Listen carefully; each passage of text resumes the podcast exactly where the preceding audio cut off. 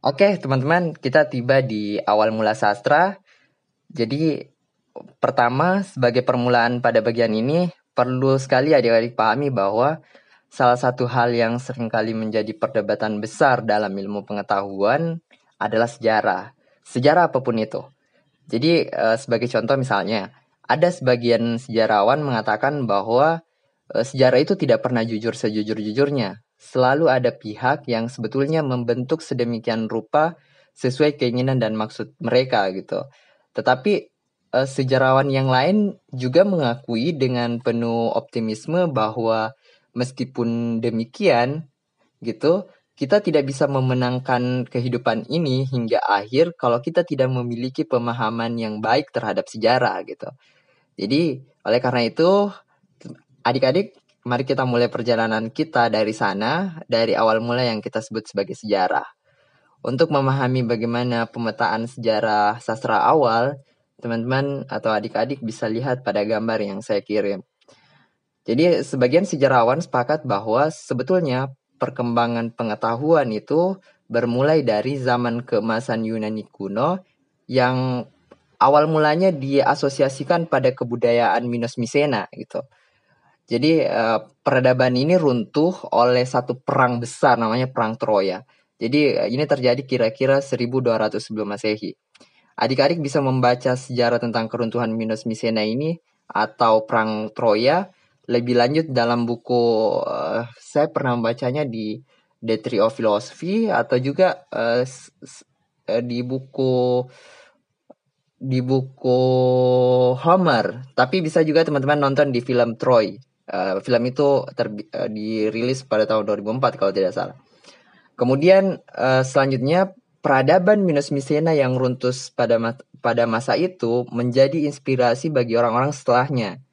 Jadi setelah itu orang-orang melakukan penciptaan mitos-mitos yang dike dikenal sebagai mitos-mitos Yunani hingga sekarang. Pasti teman-teman pernah dengar uh, Dewi uh, Anggur. Uh, itu semua adalah semacam penciptaan mitos-mitos orang Yunani yang karena keruntuhan Minos Misena itu gitu. Jadi uh, penciptaan mitos itu paling signifikan kemudian dapat dilihat pada masa Homerus atau pada masa penciptaan epos-epos Homer, kira-kira 900 sebelum Masehi.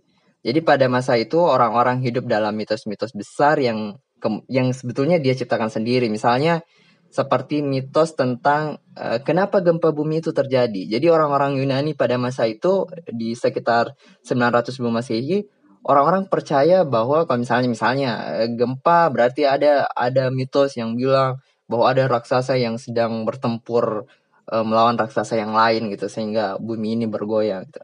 Nah, uh, pada masa inilah uh, sebetulnya cerita atau karya sastra itu bekerja dan bermula gitu. Jadi uh, masa di mana mitos-mitos itu direka dan ditulis dan diceritakan secara lisan dan pada masa itulah sebetulnya sastra ini bermula. Nah, itu masa kedua. Masa ketiga selanjutnya uh, tampil uh, filsuf pertama Yunani gitu. Kira-kira sekitar 624 sebelum Masehi.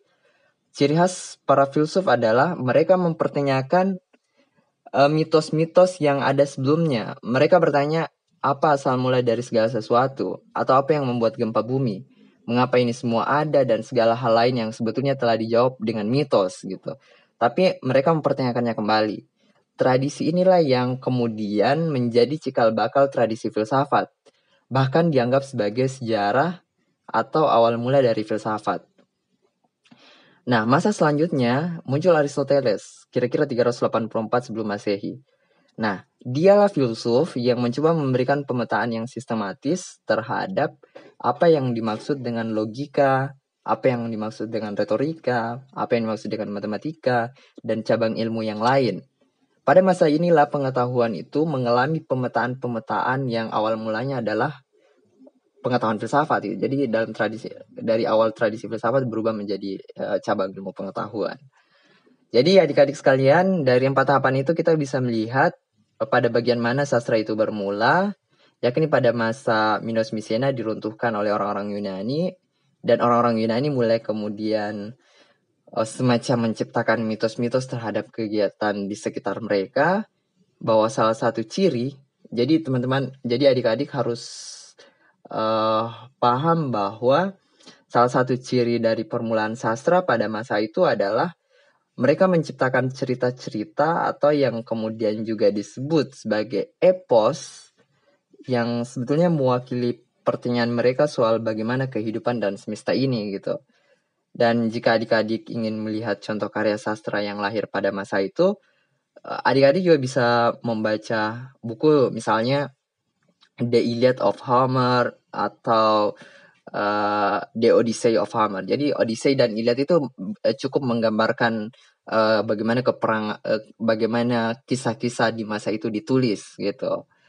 Jadi uh, kesimpulannya pada bagian ini adik-adik uh, sastra sebetulnya tidak lahir begitu saja, ada peristiwa dan ada peristiwa, kemudian kata mencatatnya gitu. Meskipun sejarah sering kali beragam, tapi setidaknya sejarah yang awal yang saya jelaskan di awal ini uh, bisa menjadi pengantar awal kita masuk lebih dalam mengenal sastra. Pada bagian ini memang sedikit teoritis, mungkin pada bagian selanjutnya adik-adik akan mendengarkan hal yang sedikit praktis soal sastra.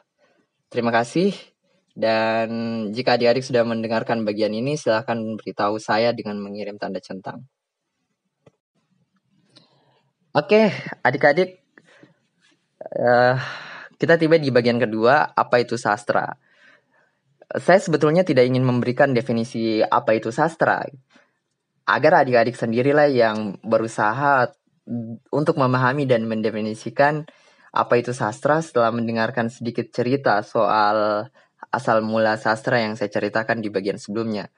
Tapi untuk lebih memudahkan, eh, setidaknya saya akan memberikan sedikit gambaran soal apa itu sastra. Jadi pertama-tama, adik-adik harus paham terlebih dahulu perbedaan sastra dan studi sastra. Jadi sastra menurut saya uh, adalah suatu kegiatan kreatif atau sastra itu adalah sebuah karya seni. Sedangkan studi sastra adalah cabang ilmu pengetahuan, cabang ilmunya yang kemudian mengkaji soal karya sastra atau karya seninya gitu. Jadi jadi uh, perlu saya tegaskan bahwa diskusi kita malam ini adalah diskusi soal sastra seperti pengertian awal, bukan diskusi soal studi sastra. Meskipun pengantar-pengantar teoritis yang saya berikan di awal itu uh, mungkin cukup membantu uh, setidaknya di diskusi kita ini gitu. Oke, dimengerti adik-adik. Kita lanjut. Apakah adik-adik pernah mendengar kata fiksi atau non-fiksi? Kalau kata fiksi dan non-fiksi itu adalah uh, semacam pengkategorian karya sastra atau karya tulis. Ya, pengkategorian karya tulis maksud saya. Biasanya, sastra masuk dalam kategori fiksi. Kemudian pada perkembangannya, ada karya tulis yang mencampurkan keduanya. Misalnya, biasanya itu disebut sebagai esai sastrawi jadi esai sastrawi itu penulisan esai yang cirinya adalah non-fiksi, bercampur dengan banyak perihal sastrawi di dalam karya itu. Jadi baik dari segi cara penulisannya maupun dari isi esai itu gitu, termas eh, terkandung eh, hal-hal yang sastrawi gitu. Apa uh, saya saya tidak tahu apakah penjelasannya terdengar rumit dan jika sedikit rumit, oke okay, kita lanjut saja ke bagian selanjutnya dan semoga saya bisa menjelaskannya dengan lebih mudah dipahami lagi gitu. Jadi karya sastra itu bermacam-macam, itu intinya. Singkatnya, terbagi menjadi dua jenis, prosa dan puisi. Prosa adalah karya sastra yang ciri khasnya lebih panjang dan terbuka. Jadi uh, dia lebih sedikit longgar gitu. Nah, kata prosa sebenarnya berasal dari bahasa Latin yang artinya berterus terang jadi salah satu ciri khas karya sastra prosa adalah bercerita berterus terang, panjang, dan tidak terlalu terikat aturan. Dia sedikit bebas. Dari sini kita bisa menebak karya sastra apa saja yang sebetulnya masuk dalam kategori ini gitu. Karya sastra tersebut misalnya e, cerpen, novel, roman, dan yang lain. Semua itu adalah karya prosa. Sedangkan puisi adalah karya sastra yang ciri khasnya lebih singkat dan padat. Pada masa-masa sebelumnya, puisi masih terikat aturan seperti irama, rima, dan penyusunan bait dan baris. Jadi awal mulanya puisi-puisi lalu itu, puisi-puisi lama, masih terikat hal, -hal semacam itu. Akan tetapi kemudian di zaman sekarang pada perkembangannya misalnya, puisi itu tidak lagi terikat aturan semacam itu. Puisi semacam ini disebut sebagai puisi modern atau puisi bebas. Karena kita sekarang berada dalam zaman modern, maka puisi yang kita baca adalah puisi modern atau puisi bebas. Jadi dalam kategori puisi ada lagi macam-macamnya. Jadi berdasarkan misalnya berdasarkan aliran ataupun berdasarkan temanya. Jadi eh, tapi ya pembahasannya akan kita bahas di di bagian selanjutnya. Jadi kesimpulannya pada bagian ini teman-teman, sastra adalah suatu kerja kreatif yang menghasilkan karya tulis berupa jadi sastra adalah suatu kerja kreatif yang menghasilkan karya seni gitu. Jadi sebuah kegiatan kreatif yang menghasilkan karya seni dan itu adalah tulisan atau teks. Jadi uh, pada dasarnya uh, sastra itu um, kerjanya tulisan gitu. Jadi menulis adalah kerja-kerja sastrawan. Oke, jika sudah mendengarkan pada bagian ini silahkan uh, beritahu saya dengan uh, emoticon mendengarkan atau centang. Terima kasih teman-teman. Oke, adik-adik, saya sebetulnya tidak tahu apakah harus memanggil adik-adik atau teman-teman. Karena kemarin sebenarnya Kak Akmal bercerita ke saya dan dia bilang eh, rata-rata yang ikut adalah anak sekolah gitu. Jadi saya panggil saja adik-adik. Oke, kita tiba di bagian ketiga yakni bagian uh, menulis puisi atau sastra sebagai kerja kreatif. Jadi kemarin sebetulnya Kak Akmal menghubungi saya dan mengatakan kita akan berdiskusi soal sastra dan saya pikir itu adalah pembahasan yang luas sekali gitu. Jadi akhirnya uh, saya berusaha untuk bertanya sastra dalam kerangka apa yang uh, harusnya kita bahas. Terus uh, kalau tidak salah dia menjawab uh, boleh fokus pada puisi, sedikit ke puisi juga tidak apa-apa. Jadi untuk diskusi kita malam ini, uh, saya mungkin akan lebih banyak menggunakan pendekatan karya sastra, khususnya uh, memberikan sedikit pengantar masuk kepada puisi gitu. Uh, dan beberapa hal-hal plastik di bagian dua terakhir sebentar. Uh, bagaimana adik-adik? Bisa ya? Oke, kita lanjut.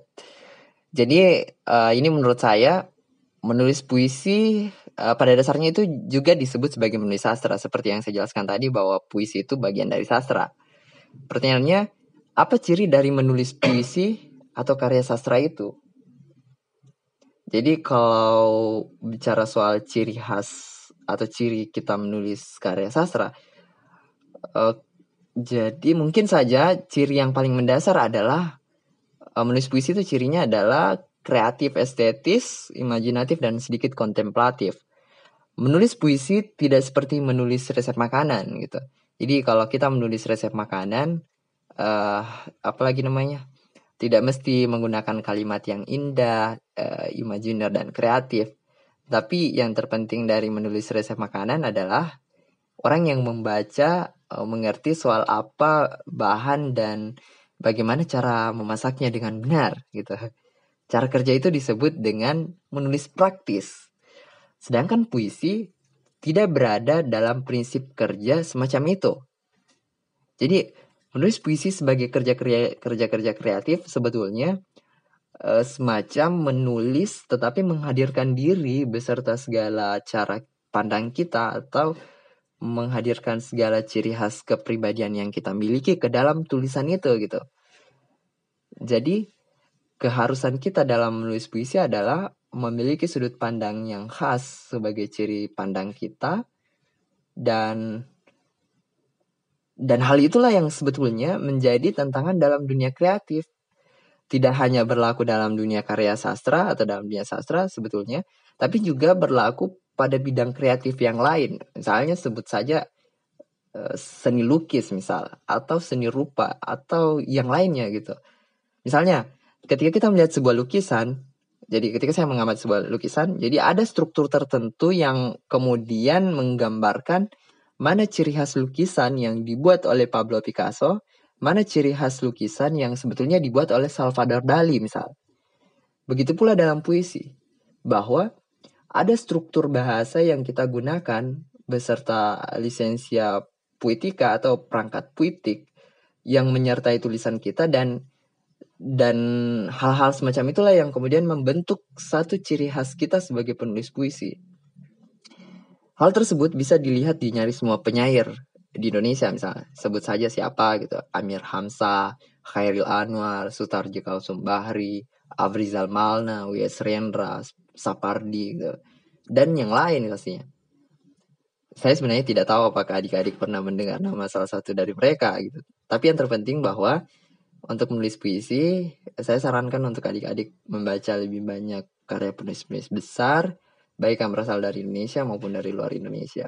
Lalu mencoba mencari jawaban apa ciri khas dari mereka, sehingga uh, yang membuat mereka itu punya keistimewaan yang berbeda dari yang lainnya atau dalam pengertian teman-teman coba mengamati bagaimana para penyair itu mengoperasikan bahasa dan kata-katanya gitu. Oke, jika adik-adik sudah mendengarkan bagian ini, silahkan beritahu saya dengan mengirim tanda menyimak atau tanda centang. Oke, adik-adik masih bersemangat. Jadi setelah bagian ini kita akan bahas sedikit soal hal praktis, uh, mungkin hal yang bisa kita gunakan untuk menulis puisi gitu. Jadi simak saja sampai selesai. Saya tidak tahu apakah saya akan menjelaskan itu, tapi uh, di bagian ini saya ingin menjelaskan soal uh, bagaimana bagaimana cara kita masuk ke dalam dunia sastra atau dalam dunia puisi. Bagaimana kita bisa karena tadi saya sudah menjelaskan bahwa kerja sastrawan itu atau kerja-kerja sastra itu adalah menulis. Nah, pertanyaannya bagaimana masuk ke dalam dunia puisi? Apakah saya langsung uh, menulis puisi ataukah apakah saya harus membaca puisi dari penyair lain dulu ataukah ataukah saya harus belajar tentang apa itu puisi atau apa itu sastra sehingga saya bisa uh, menulis gitu.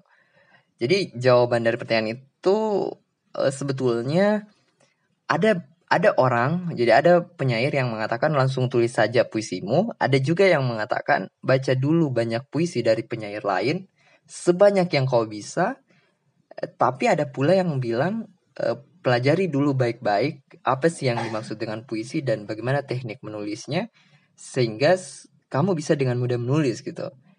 Bisa masuk dengan mudah ke sana gitu. Jadi semua cara menurut saya semua cara itu sebetulnya benar dan bisa ditempuh untuk masuk ke dalam dunia puisi. Jadi tidak ada yang salah dengan cara itu sehingga adik-adik tinggal memilih lewat pintu mana adik-adik ingin masuk ke dalam dunia sastra atau dalam dunia puisi, apakah langsung menulis saja apa yang dirasakan langsung ditulis, apa yang ter terpintas ditulis, atau belajar dulu soal hal-hal teknis yang sebetulnya uh, membantu kita dalam menulis. Itu bisa begitu juga gitu. Karena sebetulnya uh, semua yang berangkat pada pintu itu akan tiba pada satu titik yakni menulis. Entah itu menulis puisi, menulis sajak, menulis sastra gitu.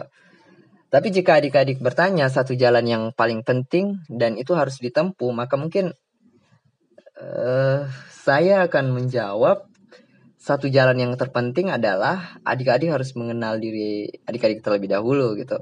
Jadi uh, penulis misalnya saya saya pengalaman pribadi gitu saya menulis karena hal-hal yang ada dalam diri saya yang saya tulis gitu. Jadi yang pertama adalah ketika kita ingin menulis kita harus tahu dulu apa yang ingin kita tulis dan yang ingin kita sampaikan. Lalu barulah kita memikirkan bagaimana cara memikir cara menuliskan dan menyampaikan gagasan yang hendak kita tulis dari diri kita itu. Ini adalah cara yang sebetulnya nyaris semua penyair lakukan gitu dan uh, untuk hal lain saya akan menjelaskan di bagian selanjutnya soal uh, dua hal yang sebetulnya kita gunakan dalam menulis puisi. Jika adik-adik sudah mendengarkan bagian ini, silahkan beritahu saya dengan tanda centang. Oke, adik-adik. Yang kelima, bagian kelima saya mungkin akan menjelaskan soal langkah menulis puisi atau setidaknya ada dua hal penting yang sebetulnya bisa kita gunakan dalam nulis. Ini sebetulnya tidak hanya berfungsi atau tidak hanya berlaku pada penulisan puisi gitu. Jadi menurut saya menulis puisi itu terkait oleh dua hal atau menulis sastra itu terkait oleh dua hal. Pertama, apa gagasan yang hendak kita sampaikan gitu. Jadi apa yang ingin kita sampaikan? Jadi pada poin ini sebetulnya uh, setidaknya kita bisa memahami tema dan isi gagasan sastra yang ingin kita tuliskan. Misalnya, saya ingin menulis soal relasi saya dengan dia, saya itu cinta kasih. atau saya ingin menulis soal relasi saya dengan lingkungan saya itu puisi lingkungan saya ingin uh, menulis soal puisi atau karya sastra soal sosial politik gitu soal uh, kondisi sosial politik gitu. Atau soal uh, spiritualisme atau cara saya beragama dan uh, itu masuk dalam puisi religiusitas nih atau tentang puisi diri yang mempertanyakan eksistensi diri itu juga bisa jadi gagasan gitu. Jadi uh, pertama menentukan gagasan itu penting. Atau dalam tanda kutip keresahan kita apa gitu. Apa yang sebetulnya ingin kita percakapkan dengan orang lain gitu lewat tulisan kita itu yang sebetulnya penting sekali jadi teman-teman uh, yang yang kalau teman-teman memang ingin menggarap karya yang serius seperti itu tapi kalau misalnya uh, ingin memulai uh, bisa dengan cara keluhan atau keresahan diri gitu jadi uh, seperti itu Kemudian yang kedua caranya gitu. Bagaimana gagasan saya uh, saya tuliskan gitu. Itu uh, bagian kedua dan ini sebetulnya uh, teman-teman boleh menulis sesukanya terlebih dahulu, boleh juga melihat atau kayak dalam bahasa sastra itu disebut dengan intertext. Jadi teman-teman menginterteks uh, tulisan yang lain, jadi melihat dan mengamati bagaimana uh, sebuah novel misalnya. Sebuah novel itu uh, bekerja, memperkenalkan tokoh-tokohnya, dialognya dan sebagainya dan teman-teman mengadopsi teknik yang sama dan melakukannya di tulisan teman-teman gitu. Jadi uh, itu uh, teman-teman boleh mencoba melihat atau meniru cara uh, penyair-penyair lain menulis puisinya, lalu kemudian uh, lakukan setekun mungkin, baca dan tulis lagi, baca dan tulis lagi, baca dan tulis lagi sampai adik-adik benar-benar menjadi uh, penulis atau dalam tanda kutip menghasilkan tulisan gitu. Pada akhirnya saya ingin mengutip salah satu seorang uh, salah satu kutipan dari penyair tentang rahasia menulis. Saya tidak menyebut namanya, dia penyair Makassar, jadi dia bilang ada dua aturan wajib dalam menulis. Jadi pertama, tulis sampai kamu kehabisan kata-kata, kedua jangan pernah kehabisan kata-kata. Oke, terima kasih adik-adik sudah menyimak sampai selesai. Kemungkinan ini ya uh, sudah jam berapa dan uh, ada baiknya jika kita membuka sistem pertanyaan dulu. Jadi terserah teman-teman mau bertanya, silahkan yang ada pertanyaan, saran dan masukan silahkan. Saya serahkan ke moderator atau langsung bertanya silahkan.